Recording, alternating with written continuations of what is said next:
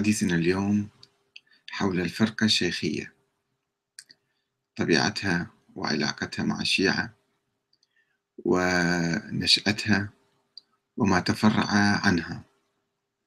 الفرقة الشيخية وليدة الحركة الأخبارية وأم الحركة البابية التي انتهت إلى البهائية. وهذا أمر مهم جدا أن نعرفه حتى نعرف آه، كيف تؤدي الحركة الأخبارية آه، إلى مصائب ومشاكل كبيرة في الأمة الإسلامية. الحركة الأخبارية تعتمد على الأحاديث كما هي من دون تنقيح ومن دون تشذيب ومن دون تأكد من صحتها فكل الأحاديث عندها صحيح. وهناك حديث مشهور لديها مروي عن الأئمة أنه من رآنا فقد رآنا. يعني إذا واحد شاف الإمام بالمنام أو شاف النبي بالمنام فكأنه قد رآه آه، واقعا وفي ظاهر الحياة. وبالتالي كل ما يسمعه من الإمام أو من النبي فهو حديث بعد ما يحتاج إلى سند ولا إلى بحث السند. آه، وهذا ما يركز عليه الأصوليون يرفضون أحاديث المنام بالمرة سواء عند السنة أو عند الشيعة. وقد تحدثنا في حلقة سابقة عن إيمان بعض أئمة أهل السنة كالإمام أحمد بن حنبل والإمام أبو الحسن الأشعري وغيرهما. بأحاديث المنام عندما رأوا رسول الله أو رأوا الله تعالى وأمرهم مثلا النبي بكذا وكذا. الأصوليون عند السنة والشيعة بالحقيقة هذه المنامات وهذه الرواية عن الله والرسول عبر الأحلام. ولكن الأخباريين الشيعة خصوصا آه، يؤمنون بصحة هذه الأحاديث. وهم أساسا لا ينقحون بالأحاديث. يعني منبع هذا الحديث. آه، من رآنا فقد رآنا. هذا يفتح باب تفتح منه ألف باب من الجهل والبدع والخرافات والأساطير. فهم وسوف نتحدث عن نشأة الفرقة الشيخية التي أسسها الشيخ أحمد الأحسائي آه، في القرن الثامن عشر. وكيف انتهت هذه الحركة بعد مئة سنة إلى الحركة البهائية؟ لذلك نحذر من هذا المنهج الأخباري أنه سوف يفتح أبوابا من الشر على الشيعة والمسلمين والأمة الإسلامية ولأنه خطر ينسب الخرافات والأساطير إلى النبي وإلى الله تعالى وإلى الإسلام وإلى أهل البيت وبالتالي سوف يخلق واقعا جديدا.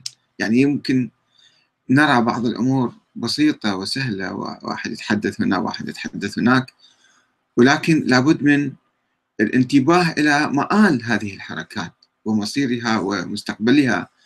وإذا انتشرت والآن إحنا عندنا حركات مهدوية تدعي المهدوية أحمد الحسن والقاطع وما أدري منه ومنه اليوم جايبين مؤسسين حزب وحركة وتيار بناء على حديث أو أحاديث معينة. في بطول الكتب من دون تحقيق ومن دون تدقيق ومن دون تأكد من هذه الأحاديث. فتنشأ هذه الحركات المضرة والمتآمرة على الإسلام والمسلمين. فاليوم نتحدث عن الحركة الشيخية أو الفرقة الشيخية التي أسسها الشيخ أحمد الأحسائي وأعتقد عندهم اليوم قناة فضائية باسم الأوحد كانت قبل سنوات أنا كنت أشاهدها ولا أدري إذا كانت موجودة اليوم أو لا وهي تبث من الكويت وهناك بعض الأخوة سألوني عن تواجد هذه الفرقة. هي فرقة كانت تأسست في آه، كربلاء آه، وامتدت إلى إيران وامتدت إلى الخليج المنطقة الشرقية الكويت في جنوب العراق. آه، يعني بقيت منها بقايا في الحقيقة.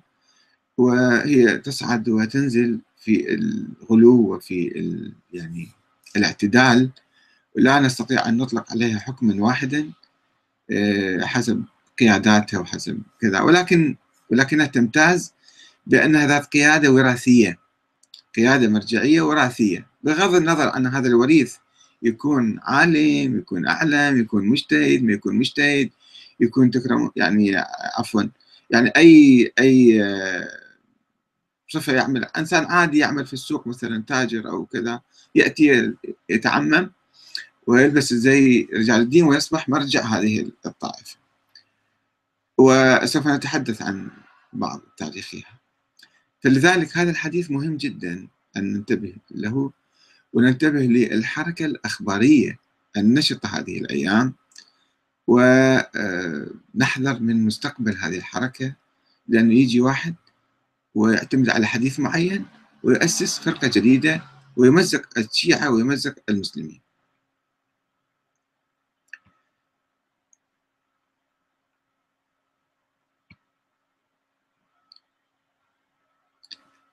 ماذا تعرف عن الحركة الأخبارية؟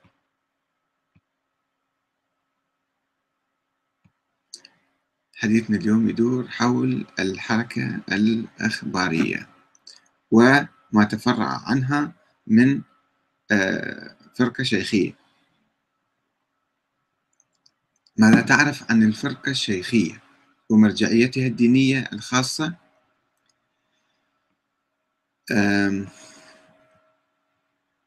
وعلاقتها بالشيعة والبهائية. كان المذهب الشيعي الاثنى عشري. قد حقق خطوات إيجابية ملفتة في القرن الثامن عشر والتاسع عشر في مجال محاربة الخرافات والأساطير وتأصيل المنهج الاجتهادي الأصولي وسجل انتصارا, انتصارا على المدرسة الأخبارية الحشوية الخرافية والأسطورية. على يدي زعيم مدرسة النجف الشيخ جعفر كاشف الغطاء. وأستاذه أيضا الشيخ آه، الوحيد البهبهاني في كربلاء.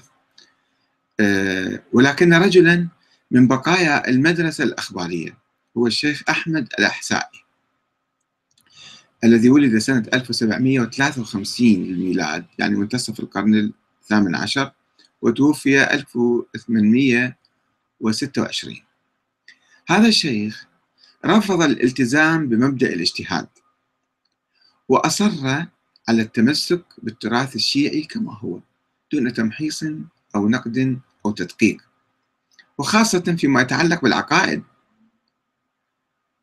آه، كما رفض الاعتماد على المصادر الشرعية والطرق العلمية المعروفة لاقتباس الثقافة الدينية والتي كان الأصوليون المجتهدون يناضلون من أجل تهذيبها وتشذيبها وتنظيمها من أجل تحرير التراث الديني المنسوب إلى أهل البيت وإلى النبي طبعا من الخرافات والأساطير الدخيلة والأحاديث الضعيفة التي أضرت بالشيعة والتشيع.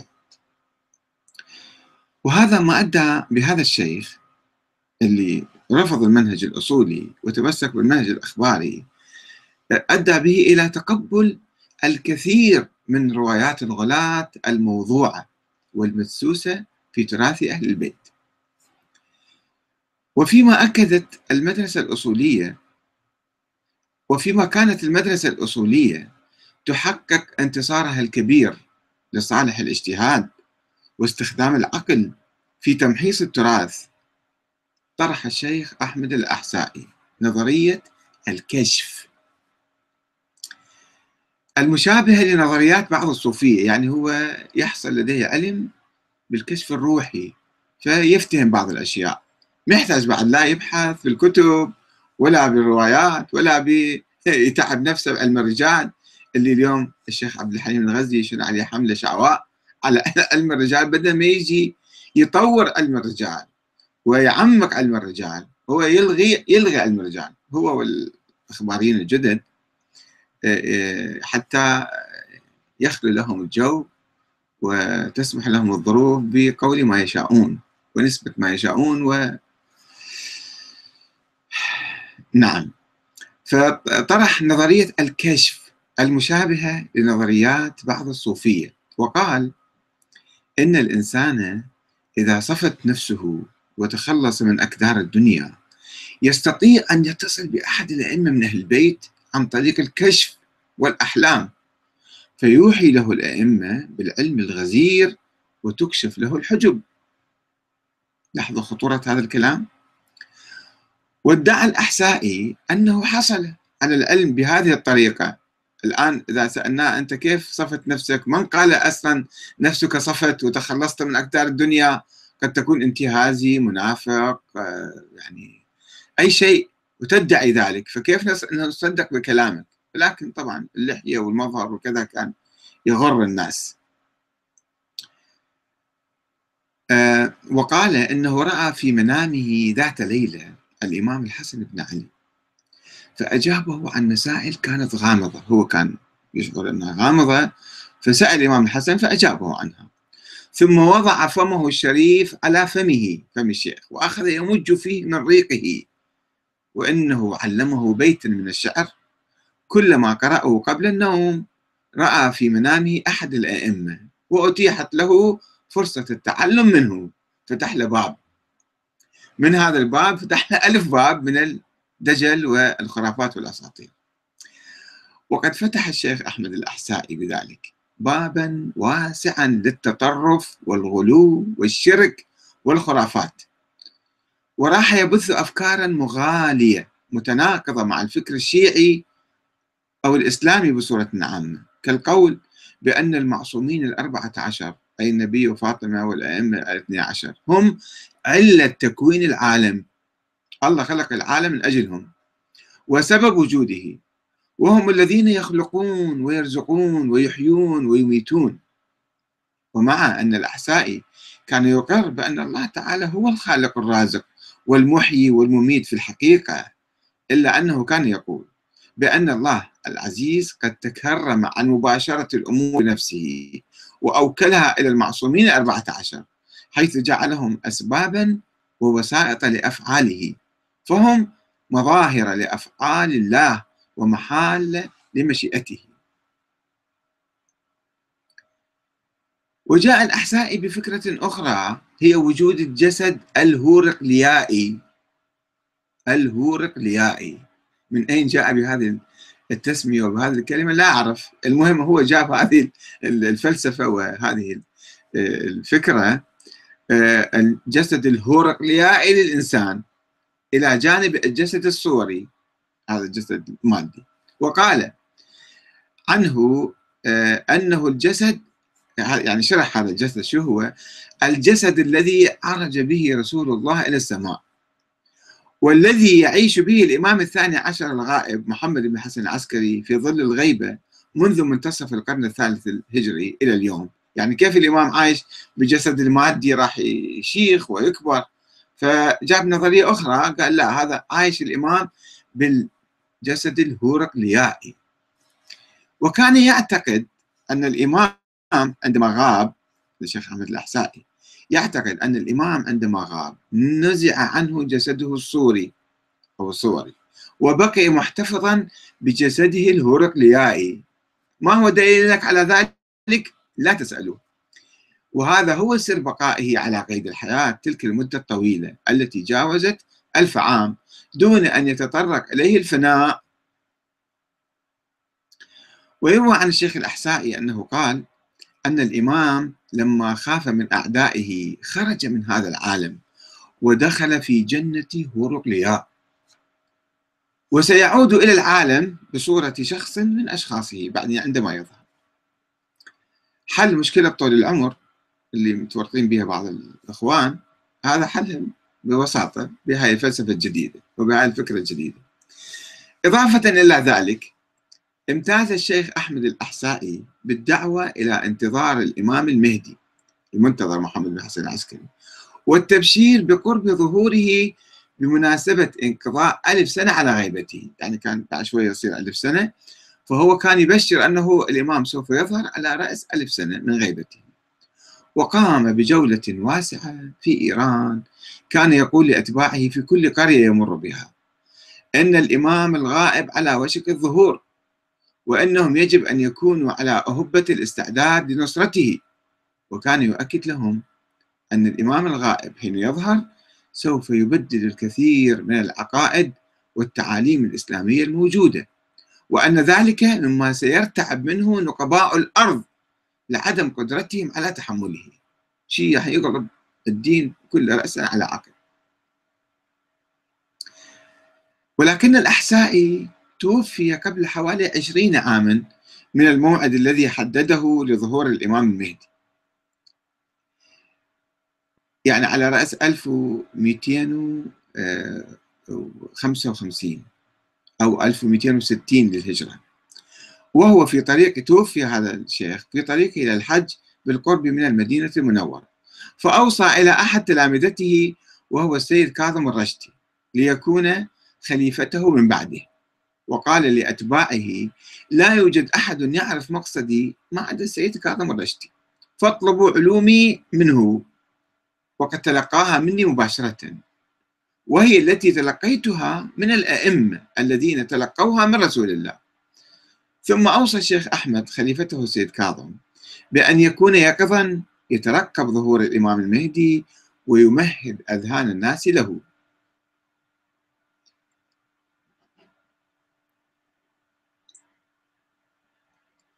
وقام السيد الرشدي الذي كان يتخذ من مدينة كربلاء مقرا له بما أوصاه به أستاذه الشيخ أحمد. فكان يواصل التبشير بقرب ظهور الإمام الغائب.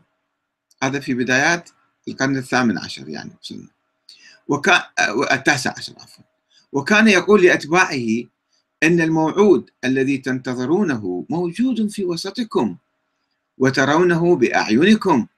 ولكنكم لا تعرفونه. وقال لأحد أتباعه إنك سوف تراه. وقبل شهور من حلول الموعد الذي ضربه الأحسائي لظهور المهدي وهو عام 1260 للهجرة والذي كان يصادف بداية عام 1844 مرض السيد الرشدي السيد كاظم الرشدي مرض الموت فرفض الوصية إلى أحد بخلافته من بعده. واعتذر لذلك بقرب ظهور الإمام الغائب بعد شهور راح يظهر وأوصى أتباعه بأن يهجروا بيوتهم ويطهروا أنفسهم ثم يتفرقوا في البلاد مكرسين أوقاتهم للبحث عن الموعود الذي حان حينه. وتوفي رشتي عام 1843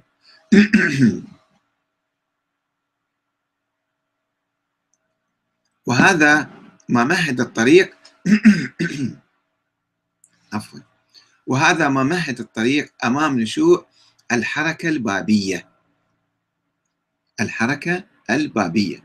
حيث قام أحد تلامذته وهو الملا حسين البشروئي بالاتفاق مع تلميذ آخر له هو السيد علي محمد الشيرازي المعروف بالباب. والادعاء بأن الأخير هذا الباب محمد علي محمد الشيرازي هو الموعود. أو باب المهدي يعني كل مرة كان يقول شيء. باب المهدي يعني. الذي حل فيه جسد الهرقليائي ما هو أحمد الأحسائي مهد ذلك بالحديث عن الجسد الهرقليائي الروحي يعني. فهذا الجسد الهرقليائي حل بعلي محمد الشيرازي. آه، الجسد الهرقليائي للإمام الغائب المهدي المنتظر محمد بن حسن العسكري. وقد انتشرت الدعوة البابية في صفوف الشيخيين في إيران انتشارا كبيرا لأنهم كانوا يترقبون ظهور صاحب الزمان بمناسبة قرب انتهاء ألف سنة على غيبته. وعندما حل سنة 1260 للهجرة صاروا متلهفين لسماع النبأ العظيم الذي كان قد بشر به زعيمهم الشيخ أحمد الأحسائي وتلميذه السيد كاظم الرشدي.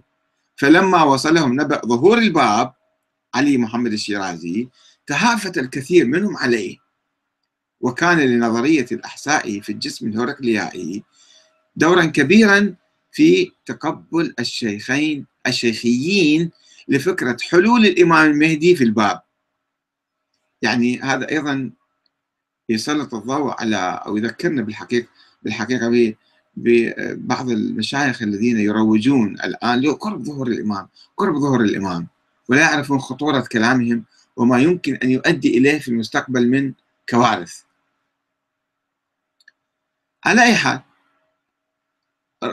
رفض علماء الشيعة في العراق وإيران دعوى الباب في المهدوية ورأوا في فكرة نسخ الدين الإسلامي التي جاء بها نوعا من الهرطقة والكفر بالإسلام. وأصدر الشيخ محمد تقي البرغاني مرجع كان هذا في قزوين فتوى بتكفير البابيين. كما ألقت الحكومة الإيرانية القبض على الباب الشيرازي وأعدمته في تبريز في 9 تموز من عام 1850 ولكن حركته استمرت بصورة سرية وتطورت فيما بعد إلى الحركة البهائية التي أعلنت خروجها من الدين الإسلامي.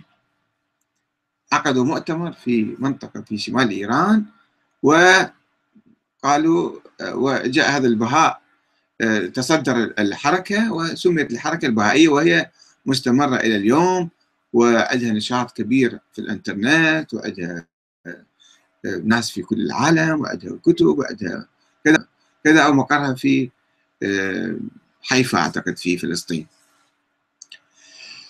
على أي حال يحب يقرأ عن الحركة البهائية يمكن الدخول في جوجل ويكتب البهائية ويشوف شنو المصادر الموجودة.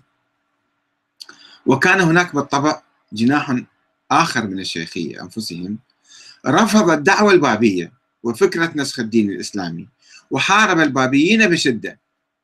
وكان هذا الجناح بقيادة المرزا محمد حسن جوهر. توفي سنة 1261 بسرعة متوفى هذا. الذي كان يتخذ من كربلاء مقرا له. وكذلك المرزا محمد باكر الأحقاقي.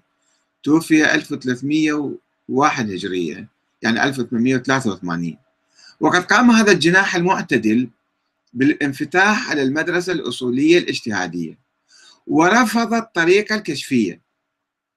ولكنه ظل محافظا على ولائه للشيخ أحمد الأحسائي واسم الشيخية. يعني أحدث فيها تطور أو رفض بعض الأمور وقبل بعض الأمور وانغلق على نفسه داخل الشيعة الإمامية ولم ينخرط في الحركة العامة حيث ظل يحتفظ بمرجع ديني خاص وامتاز بنظام توريث المنصب القيادي الديني آه، في في آه، شخصيا وبصورة عمودية يعني واحد بن واحد. وهذا ما موجود عند الشيعة كما تعرفون المرجعية مفتوحة على أي واحد يعني. يمكن على تلاميذ المراجع ولكنها ليست محصورة في عائلة واحدة. فهؤلاء ابتكروا هذا النظام لأنه أصبحوا حزب ضيق وصغير في داخل الشيعة فلكي يحافظوا على أنفسهم آه، آه، أقروا هذا التوريث توريث المنصب المرجعي المنصب القيادي الديني.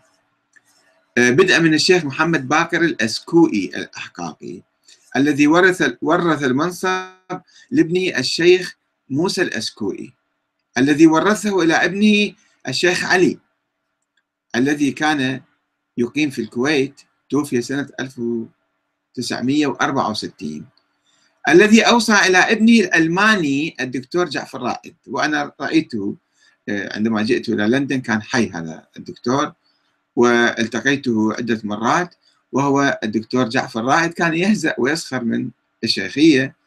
وهو كان رجل يقول عن نفسه أنه غير متدين وغير ملتزم وغير مؤمن بأي شيء وكان سفير الشاه إيران في المملكة آه، العربية السعودية. و ولكن هذا الدكتور رفض المنصب. قال تعال أنت تصير مرجعنا. يعني رغم ما ما ينظر إلى علمه وإلى تقواه وإلى إيمانه وإلى دينه ابدا فقط هو ابن فلان فيجب أن يكون مرجع الفلانية. ولكنه مع ذلك رفض هذا المنصب لأنه كان قد خلع الزي العلماء الديني وكفر بالنظريات الشيخية وحلق لحيته تماما ولبس الملابس الغربية. وانخرط في سلك الدبلوماسي الإيراني وأصبح سفيرا للشاه في المملكة العربية السعودية. فعندما رفض هذا انتقلت المرجعية الدينية للشيخية إلى أخي الشيخ علي المرزا حسن الذي ورثها بدوره إلى ابنه المرزا عبد الرسول الأسكوئي الأحقاقي الذي ورثها إلى ابنه الشيخ عبد الله الآن وربما كان لوضع الشيخية وكونهم أقلية صغيرة بالنسبة للشيعة الإمامية دور في انطوائهم على أنفسهم وتميزهم خلافا لعامة الشيعة تميزهم بنظام خاص في المرجعية الدينية يقوم على الوراثة الشخصية العمودية. ويكفل لهم المحافظة على سماتهم الخاصة. وقد حاول المرجع الأسبق المرزا حسن أن ينفتح على بقية الشيعة ويخرج أتباعه من القوقعة التي يعيشون فيها ويكسر حاجز التحريم الذي فرضه الشيعة عليهم لأنه الشيعة أيضا تقريبا يعني يعني يكادوا أن يكفرونهم إذا لم يكفر بعضهم. وأن ينشط حركة الاجتهاد الكفيلة بمراجعة الكثير من الأفكار المتطرفة والمغالية الموروثة من الأحسائي يعني هم أجداد قاموا بنوع من الاجتهاد وهو حاول أن يواصل وأن يعني آه، يرفض آه، بقية الأفكار. حتى سمي بالإمام المصلح وهو ما أدى إلى انفتاح أبناء الفرقة الشيخية على عامة الشيعة. وذهابهم للدراسة في قوم والنجف واستقبال العلماء والخطباء الشيعة في مساجدهم وحسينياتهم. لهم حسينيات خاصة طبعا ومساجد خاصة في الكويت ومناطق أخرى. وتقليد المراجع الآخرين فصار نوع من الانفتاح والذوبان في الجسم الشيعي العام. ولكن هذا الانفتاح لم يصل بعد إلى درجة الذوبان الكامل أو التخلي التام عن الموروثات الأحسائية. نسبة للشيخ أحمد الأحسائي أو متابعة الشيعة في تطورهم الفكري السياسي. يعني واضح الشيعة خلال خمسين سنة الأخيرة تقريبا قاموا بتطور كبير يعني بتطوير فكرهم السياسي خصوصا لجهة الالتزام بنظرية ولاية الفقيه التي قال بها علماء الشيعة مؤخرا في ظل غيبة الإمام المهدي أو نظرية الشورى والديمقراطية. وذلك نظرا لالتزام الشيخية المتواصل والمستمر حتى الآن بنظرية الانتظار. كالشيخ عبد الحليم الغزي نظرية الانتظار وعدم الجواز إقامة الدولة في عصر الغيبة. رغم ثبوت فشل الموعد الذي ضربه الأحسائي لظهور الإمام الغائب في منتصف القرن التاسع عشر غير أن ما يبعث الأمل في استمرار مسيرة الإصلاح والانفتاح والتطور والتحرر من بقايا التراث الأحسائي المغالي والمتطرف هو التزام الجيل الشاب بمبدأ الاجتهاد. هذا شيء مهم جدا وينقذ الحركة الأخبارية من جذورها. بمبدأ الاجتهاد ونبذ الطريقة الكشفية. بعد ما اجى أحد وادعى أنه عنده يعني كشف والأئمة يحاكوه ويروحون له ويتكلمون وياه ويتكلم وياهم. هذا شيء تطور مهم جدا عقلي تطور يعني منهجي وفكري يمهد الطريق أمام مراجعة نظريات الأحساء على ضوء القرآن الكريم وأحاديث الرسول الأعظم صلى الله عليه وآله وسلم. وتراث أهل البيت الصحيح ومن المنتظر أن يقوم علماء الفرقة الشيخية. بعملية اجتهادية جذرية ودراسة العقائد الأساسية قبل الفروع الجزئية وإعادة النظر في الموقف من أئمة أهل البيت ودورهم في الحياة وفي مسألة وجود الإمام الثاني عشر وولادته. تلك المسألة التي لعبت دورا كبيرا في تاريخ الحركة الشيخية. طبعا هنا أتوقف لحظة لأقول أن السيد محمد الشيرازي رحمه الله كان في الكويت وهو تقارب مع الشيخ حسن. وفي الحقيقة بدل ما أن يجر الشيخ حسن أكثر إلى المنهج الأصولي والاجتهادي لأن الشيرازي كان هو أخباري. من دون ما يعلن ذلك ومن دون ما يعرف ذلك يمكن ولكن منهجه كما أنا حققته في كتابي عندما درست آه، فكر السيد الشيرازي وتجربته العلمية وجدت أن الشيرازي هو يعني في واقعه أخباري. وبالتالي كان يؤمن بكثير من أفكار الأخباريين آه، والأحسائيين ربما. ما كان يؤمن بطريقة الكشف ولكن كان يؤمن بأن الأئمة يديرون الكون يحيون ويميتون ويرزقون وما إلى ذلك من الأساطير. ف يعني بعض الأصوليين أو من يسمى بالأصوليين هم في حقيقتهم في حقيقتهم أخباريين وبالتالي يشجعون التيار الأخباري وينشرون أفكارهم. على أي حال التيار الأخباري أو الحركة الشيخية تحاول الآن بالحركة الاجتهادية المنفتحة وأنا أعرف تلاميذ كان عندنا في الحوزة حتى في حوزة القائم آه، هؤلاء كانوا من أصول شيخية فعادوا فانفتحوا على حركة الاجتهاد وعلى الدراسة في الحوزة العلمية الشيعية. وهذا شيء مهم جدا وكما قلت لكم هذا سوف يؤدي إلى تطورات آه، يعني مهمة في الساحة الشيعية. ولكن هناك بحاجة يعني سواء الشيخية أو عموم الشيعة آه، الاثنى عشرية هم بحاجة إلى إعادة النظر إلى مزيد من إعادة النظر في التراث الشيعي وفي آه، الأخبار الواردة في التاريخ وتنقيحها وتنقيتها آه، خصوصا ما يتعلق بها كثير من الشيعة حتى اليوم. هم ماشيين على أسلافهم وآبائهم وأجدادهم.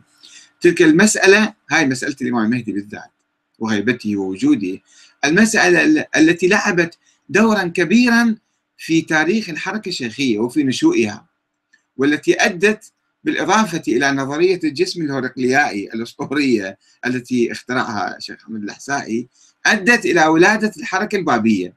عندما حل الإمام المهدي في الباب الشيرازي وخروج البهائيين من الدين الإسلامي بالتالي. إذا لابد من إعادة النظر في هذه المسألة. جميعا علينا إعادة النظر في هذه المسألة وليس الشيخية فقط. كما ينتظر من جيل العلماء الشباب أن يقوم بإخراج جماعته من حالة الانتظار السلبي والعزلة السياسية اللي متمسكين بها حتى الآن يمكن بعضهم لكي تلعب دورا أكبر في الحياة الاجتماعية. وذلك بإعادة النظر في الموقف السياسي وشكل نظام الحكم ومسألة إقامة الدولة الإسلامية في عصر الغيبة. الشيعة الآن أقاموا دولة في إيران أقاموا دولة في العراق شبه دولة في لبنان في شاركوا في الحياة السياسية في أكثر من مكان ولكن الشيخية لا يزالون منطوين بصورة عامة لا أتحدث بصورة مطلقة.